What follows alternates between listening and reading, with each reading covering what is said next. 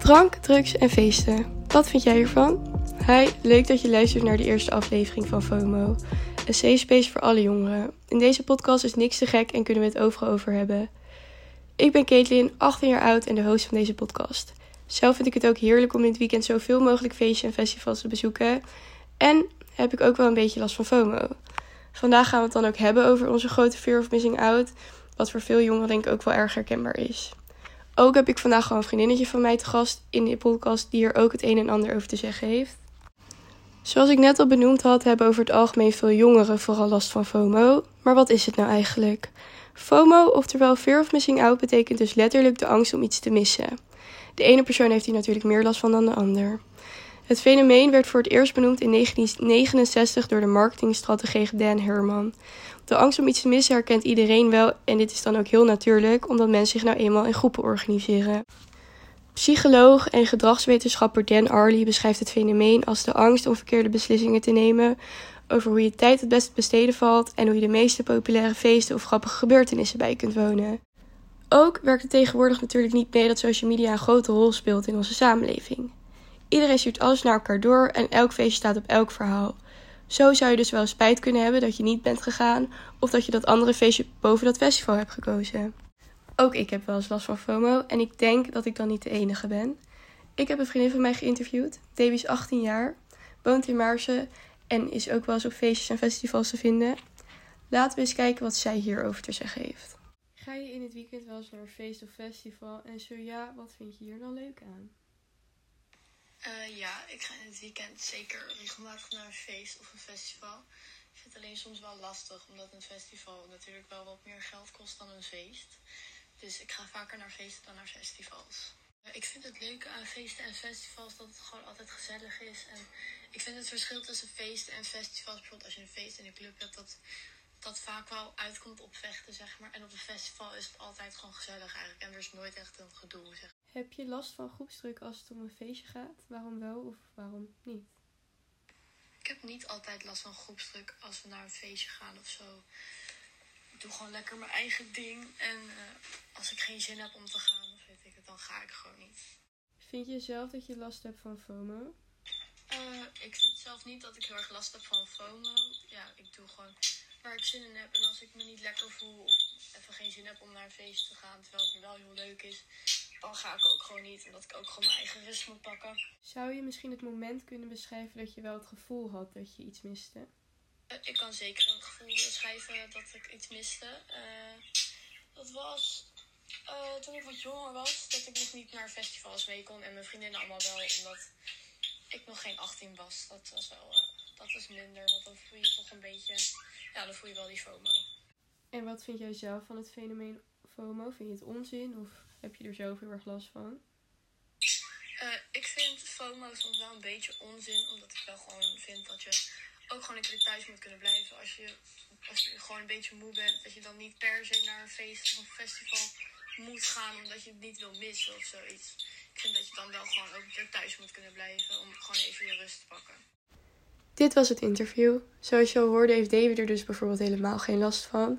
Zij weet goed wanneer ze de rust moet pakken en heeft geen last van groepsdruk. Dit is dus bij iedereen gewoon heel anders. Het hebben van FOMO is zeker geen hele fijne ervaring, maar is tot op zekere hoogte natuurlijk en niet heel schadelijk. Als je er te veel mee in je hoofd zit en het uiteindelijk een obsessie wordt, kan dit gevolgen in depressie en stress en uiteindelijk eenzaamheid.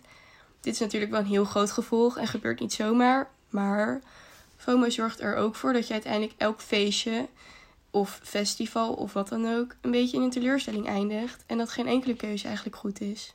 Je bent namelijk zo erg bezig met anderen en hun activiteiten dat je vergeet te genieten van wat je zelf aan het doen bent.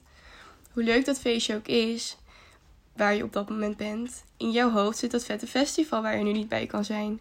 Je bent hier zo op gefixeerd dat niks meer leuker wordt dan dat ene festival in jouw hoofd. En dat is super zonde. Vraag jij je nou af of je FOMO hebt? Ik heb hier even wat kenmerken op een rijtje gezet. Je hebt bijvoorbeeld een missend gevoel bij de activiteit waar al je vrienden zijn. Je bent bang dat de ervaringen van de vrienden beter zijn dan die van jezelf. En je wordt heel erg rusteloos en nerveus als je niet weet wat jouw vrienden op dat moment aan het doen zijn. Als je iets onderneemt, moet het ook meteen gedeeld worden op social media. En je hebt je moeite met het concentreren tijdens het studeren, omdat je je drang voelt om steeds online te kijken. Of iemand wat leuks aan het doen is, of waar jouw vrienden zijn. Je hebt ook het gevoel dat je altijd het maximale uit je dag moet halen. Nou is dit natuurlijk niet slecht, maar soms is het ook wel eens goed om gewoon even te liggen. Of in dat weekend, als je moe bent en veel gewerkt hebt, gewoon eens te rusten in plaats van naar het feestje te gaan. Om jouw FOMO weg te nemen moet je weten dat fear of missing out eigenlijk nergens op slaat. FOMO komt namelijk grotendeels door social media. En heel eerlijk, zoals we wel weten, is dit niet altijd een hele betrouwbare bron. Vaak heb je het ook leuker als je niet zoveel op je telefoon zit en dus ook niet zoveel post.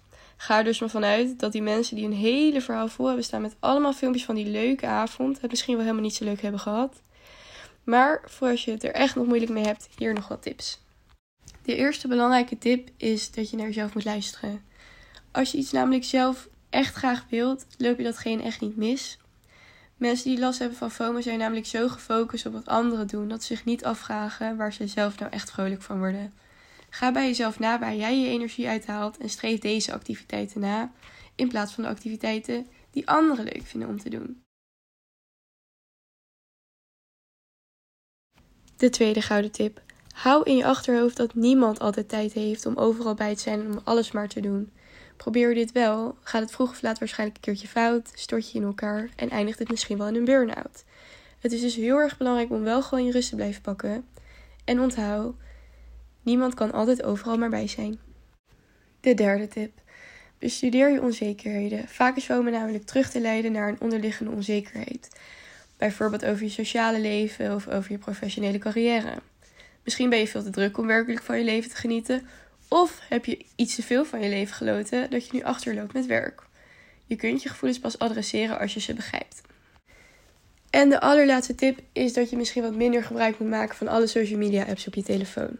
Social media kan namelijk best wel bijdragen aan FOMO. Dus gooi je telefoon op die zaterdagavond lekker weg. Of verwijder al je apps even, al is het maar voor even. Dat kan namelijk wonderen doen voor je geestelijke gezondheid. Nou, ik kan het woord FOMO voor een tijdje even niet meer horen of uitspreken. Ik hoop heel erg dat je wat hebt gehad in de podcast. En tot de volgende keer. Doei doei!